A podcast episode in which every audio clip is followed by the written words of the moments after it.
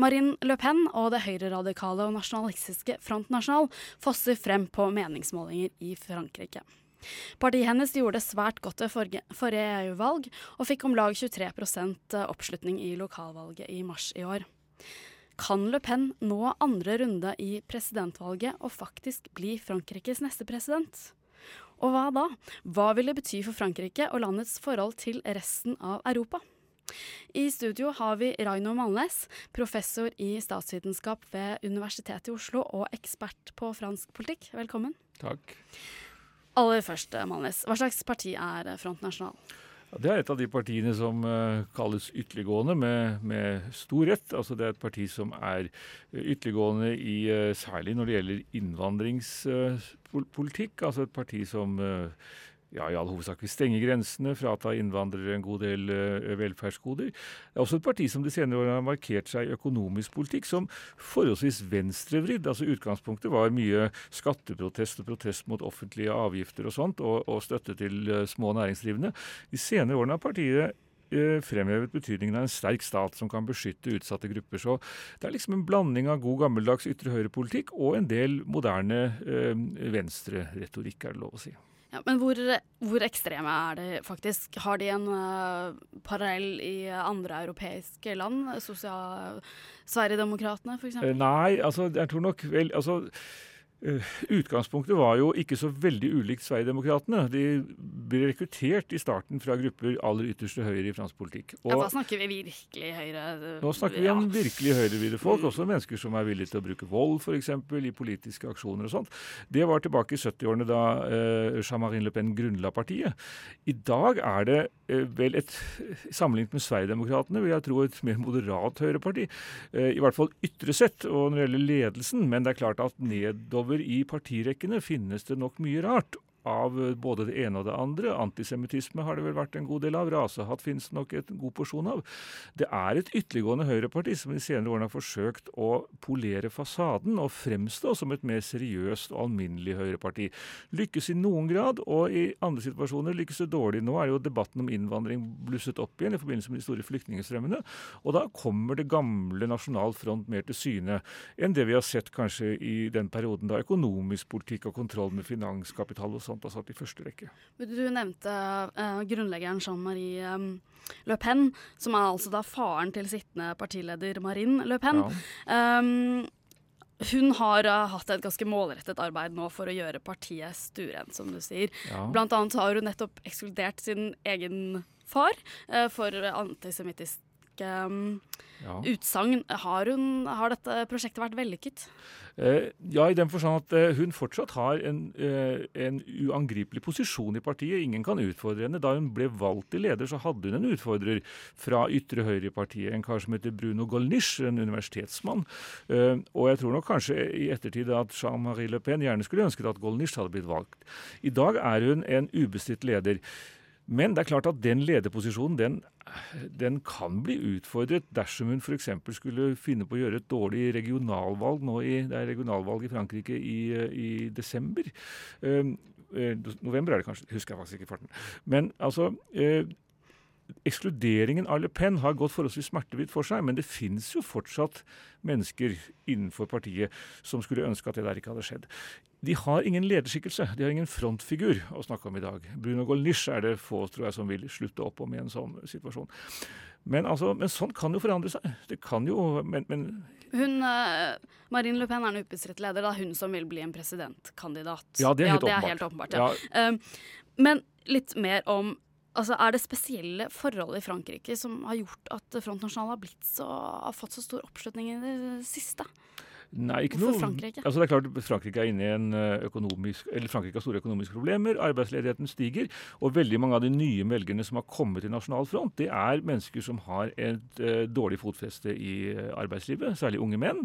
Særlig unge menn med lav utdannelse. Svært få kvinner, faktisk. Uh, og og det, så det, jeg tror nok den voldsomme, eller i hvert fall forholdsvis sterke økningen i oppslutning som partiet har hatt de siste årene, må ses på bakgrunn av den økonomiske krisen. Hvordan dette med de store flyktningstrømmene kan påvirke partiet, er sannelig ikke godt å si. Der er fransk opinion ikke så lett å, å ta pulsen på.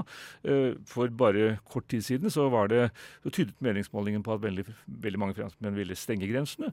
Og så kom dette uh, fryktelige bildet, og så kom en god del informasjon om uh, flyktningenes skjebne, og så kan det se ut som om opinionen snur. Så altså Eh, først og fremst den økonomiske situasjonen tror jeg har vært rekrutteringsgrunnlaget for Nasjonalfront. EU-skepsis, da? Jo, men det er litt to sider av samme sak. fordi EU er liksom det Skylda legges på EU. Både når det gjelder flyktningstrømmene, det er Schengen, ikke sant, og når det gjelder den økonomiske politikken, altså liberalisering av markeder og sånt. Så, så det er ikke det store prosjektet EU som er problemet, det er snarere det EU fører ja, til? Ja, jeg tror nok snarere altså det, kan, det finnes nok fortsatt dem som mener at det er viktig å ta vare på Frankrike som en stolt og sterk nasjon.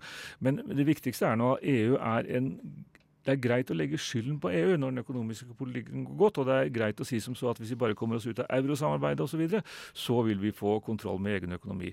Det er jo mye av en illusjon, vil jeg tro, men det er sånn den type eh, propaganda som kan fenge.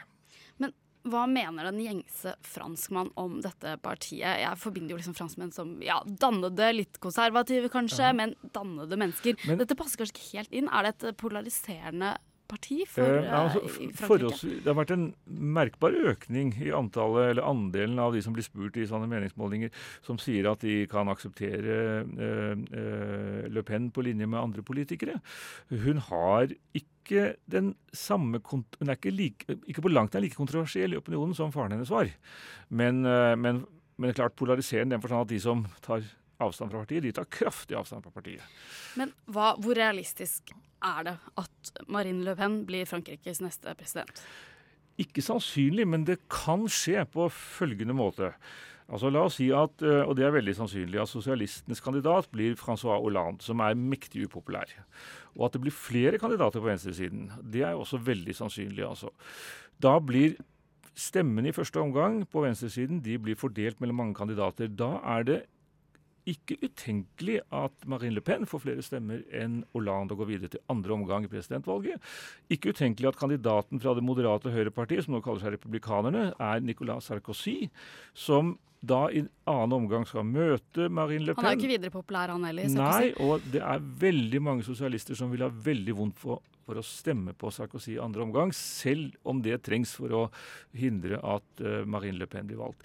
Men jeg tror ikke det er sannsynlig at hun blir valgt. Men hun kan få Det ville i så fall være mm, ja, like oppsiktsvekkende som de mange revolusjonene Frankrike gjennomgikk uh, på 1800-tallet. Kanskje like oppsiktsvekkende som revolusjonen i 1789. Det vil ikke få kolossalt stor politisk betydning, det er viktig å huske. Fordi den franske regjeringen må ha et flertall i nasjonalforsamlingen bak seg. Det er helt usannsynlig at Nasjonal Front får et flertall i nasjonalforsamlingen. Det er usannsynlig at de får veldig mange representanter. i det hele tatt. Ja, for de er først og fremst representert regionalt i dag, ikke ja, Det er det samme problemet som med andre utgående partier. De greier ikke å stille valgbare kandidater rundt omkring i de ulike valgdistriktene. De har en sterk leder, og de har noen få frontfigurer, og det er det. Så de vil neppe få noen særlig stor andel av velgerne i nasjonalforsamlingen. Så regjeringen kommer ikke til å utgå fra Nasjonal Front. Og da blir presidenten sittende der som en litt rar og isolert skikkelse. Og hvordan franskmennene skal håndtere den situasjonen, er sannelig ikke godt å si. Jeg tror sannsynligvis ikke det kommer til å skje, men det vil bli litt av en kattepine hvis det skulle skje. Ja, og Europa er jo i en vanvittig omveltning nå. Alt kan jo nesten skje, kanskje. Eh, vil, eh, la oss si da at altså Marine Le Pen blir president og de får en viss innflytelse.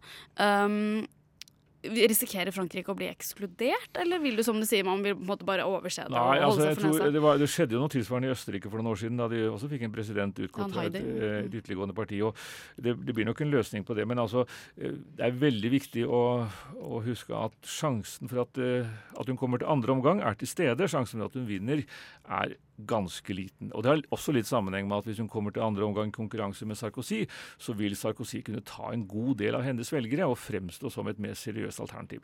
Det er nok mange av de franske velgerne som kan finne på å stemme på henne i første omgang, som vil tenke seg veldig godt om før de gjør noe lignende i andre omgang, altså hvis hun har noen reell sjanse til å bli valgt. Så øh, det er et usannsynlig scenario, det er det. Men kan vi tolke noe annet? Ok, Mulig ikke hun blir neste president, men sier dette noe om utviklingen i Frankrike ellers? Hvor er Frankrike Vel, på altså, vei? Det er jo det med Nasjonal Front at partiet har liksom gått opp og ned som en jojo i oppslutning. Ikke sant? De hadde en kolossalt stor oppslutning ja, Kolossalt da tar jeg litt hardt i, men altså Jean-Marie Le Pen gikk videre til andre omgang i presidentvalget i 2002.